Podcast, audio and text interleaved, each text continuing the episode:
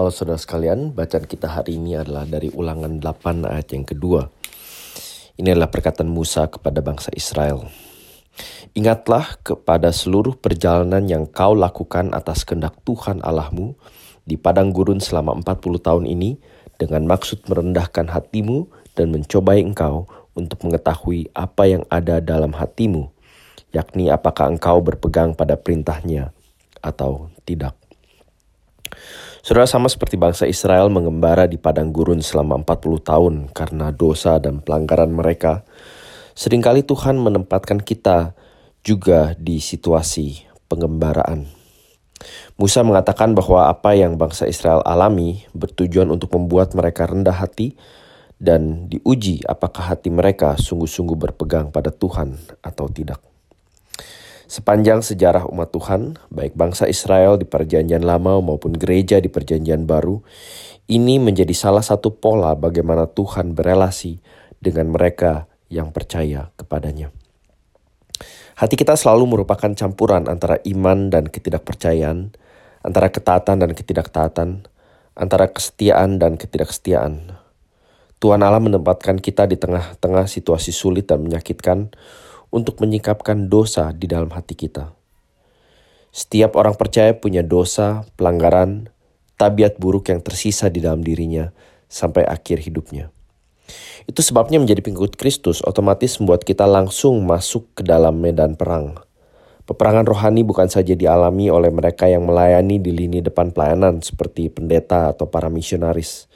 Peperangan rohani adalah bagian hidup setiap orang yang percaya dan mengikut Kristus. Nah sepintas ini bukan kabar yang kelihatannya menyenangkan apalagi buat kita tambah tenang. Yaitu bahwa situasi sulit saat ini sedang dipakai Tuhan untuk menunjukkan betapa dalam dan seriusnya dosa di dalam diri kita. Kecenderungan kita adalah mencari siapa yang salah dan harus dihukum atau ditindak. Itu sebabnya kalau ada orang yang tiba-tiba mengatakan sesuatu yang sangat miring di media sosial atau di grup WhatsApp atau menulis sesuatu yang jelas-jelas sesat Jauh lebih mudah bagi kita untuk bereaksi karena kelihatan banget salahnya dan menjadi sasaran empuk untuk kita tunjukkan kesalahannya di mana. Saudara yang paling sulit adalah mengakui bahwa kitalah yang bersalah. Kitalah yang kelewatan bicara. Kitalah yang perlu belajar. Dan kitalah yang perlu berubah. Nah tentu ada tempat di mana kita memberikan masukan, kritik yang membangun, bahkan teguran yang keras. Tapi itu topik hari lain lagi. Fokus kita hari ini adalah untuk melihat bahwa bagi setiap pengikut Kristus, kesulitan dan penderitaan yang kita alami adalah kabar baik karena setidaknya ada dua hal. Yang pertama, bahwa Allah sudah menyelesaikan kesulitan dan penderitaan kita yang terbesar, yaitu dosa dan keterpisahan kita dari Allah. Allah sudah memberikan bagi kita berkat terbesar, yaitu kebenaran anaknya sendiri dan relasi yang baru antara kita dengan Allah. Dan itu menyambung ke poin yang kedua. Yang kedua, Allah bukan saja sudah menyelesaikan, tapi dia juga sedang menyelesaikan kebaikan dan berkat terbesar lainnya, yaitu menjadikan kita seperti Kristus anaknya. Anda mungkin kenal seorang yang Anda sangat kagumi entah dari prestasi, reputasi, atau bahkan pengorbanannya bagi Anda. Dan secara sadar atau tidak sadar Anda selalu berpikir, saya mau jadi seperti dia. Atau mungkin kapan ya saya bisa jadi seperti dia. Tapi bisa jadi Anda juga tidak punya contoh atau teladan yang baik, entah figur orang tua yang mengecewakan, atau pemimpin gereja atau di tempat kerja yang uh, menyakitkan, atau melakukan sesuatu yang buat saudara merasa uh, kecil hati, atau uh, urung untuk uh, terus terlibat dan berbagian di dalam gereja atau pekerjaan atau bahkan uh, kehidupan keluarga. Dan mungkin dan justru Allah Anda maaf malah berusaha sebisa mungkin untuk tidak menjadi seperti mereka. Anda mungkin berpikir saya harus berusaha untuk tidak bersikap, berpikir, berkata seperti orang itu. Nah bagi yang lain mungkin Anda berpikir saya sih simpel aja. Yang penting saya mau menjadi orang yang lebih baik lagi dari kemarin.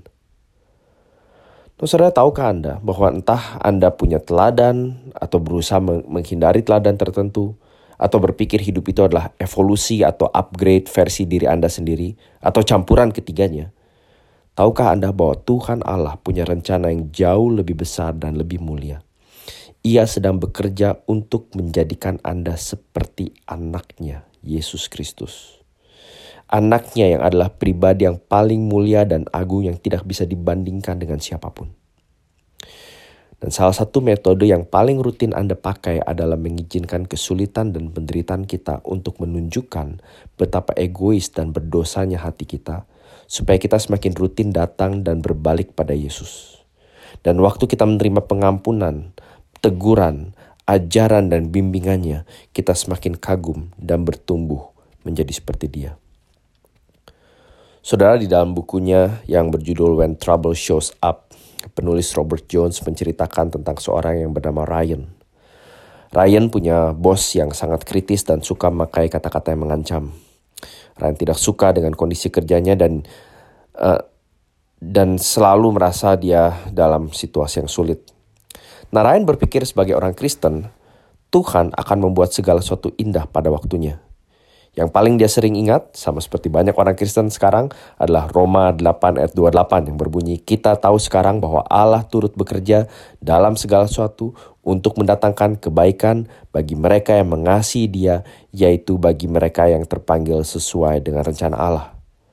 Nah, Ryan yakin bahwa bosnya akan melembut dan akan berubah, dan dia akan terus bisa bekerja di perusahaan yang sama. Tetapi dia lupa bahwa sama seperti ulangan 8 ayat 2 yang tadi kita baca di awal, Roma 8 ayat 28 bukan bicara tentang ke, bukan bicara tentang kebaikan bagi diriku. Waktu dikatakan di situ kebaikan bagi mereka, itu bukan kebaikan menurut versiku. Nah sayangnya ada orang yang suka menyelewengkan bukan saja ayat ini tapi juga arti dari lagu yang cukup populer yang berkata semua baik, semua baik apa yang telah kau perbuat di dalam hidupku. Nah saudara saya tidak kenal siapa yang tulis lagu ini, tapi saya curiga banyak orang Kristen berpikir seperti Ryan. Mereka berpikir bahwa semua baik ya hal yang baik-baik. Disayang keluarga, dapat jodoh, diterima pekerjaan, bisnis maju, perusahaan melewati masa krisis, pelayanan meningkat. Atau dalam kasus Ryan, dia berpikir bosnya akan berubah baik. Tapi kalau Anda perhatikan baik-baik Roma 8 ayat 28 maupun bahkan lagu semua baik, di mana di ayatnya dikatakan hidupku dalam tanganmu, dalam rencanamu Tuhan. Rencana indah yang telah kau siapkan bagi masa depanku yang penuh harapan.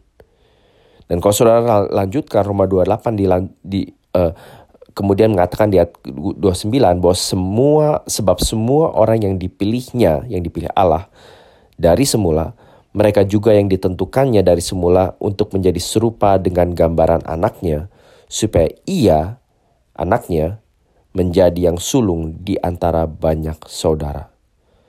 Saudara artinya istilah semua yang baik ini menurut tangan, rencana dan harapan Tuhan bagi kita, yaitu menjadikan kita serupa dengan gambaran Yesus. Saudara dalam kasus Ryan di cerita ini, ketika situasi kerjanya menjadi semakin sulit, ia semakin belajar ternyata Allah lah yang sedang ber, sedang di dalam proses untuk mengubah diri Ryan dan bukan bosnya. Sikap bos yang menyebalkan ternyata menunjukkan bahwa Ryan pun punya sikap yang sangat kritis dan ketus dalam kehidupannya sehari-hari.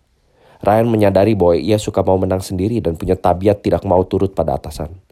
Ini membuat Ryan akhirnya datang pada Tuhan dan minta ampun atas dosanya dan bertobat dari sikap buruknya, termasuk meminta maaf kepada bosnya. Saudara, inilah yang dimaksud dengan semua baik. Penulis Robert Jones kemudian melanjutkan, Allah dalam kasihnya yang besar sedang membuat Ryan melihat bahwa kesulitannya di dalam pekerjaan yang ia benci ternyata menunjukkan dosa di dalam hatinya yang Tuhan benci. Sehingga Ryan dapat bertobat dan mengenal pengampunan Allah dan menikmati bertumbuh dalam kekudusan. Saudara, Kenyataannya yang terjadi adalah Ryan akhirnya kehilangan pekerjaannya, tetapi ia bertumbuh dalam kasihnya kepada Tuhan. Ryan mengatakan bahwa walaupun ini bukan kebaikan yang tadinya ia bayangkan, tetapi melalui ini Tuhan menunjukkan kepadaku betapa aku sering mencela orang lain, suka menuntut, dan tidak mau taat kepada mereka yang Tuhan tempatkan di atasku. Saudara, ini adalah kebaikan terbesar Tuhan bukan saja bagi Ryan, tapi juga bagi Anda dan saya. Ia mau selalu melihat hati kita, apakah kita selalu berpegang pada dia atau tidak.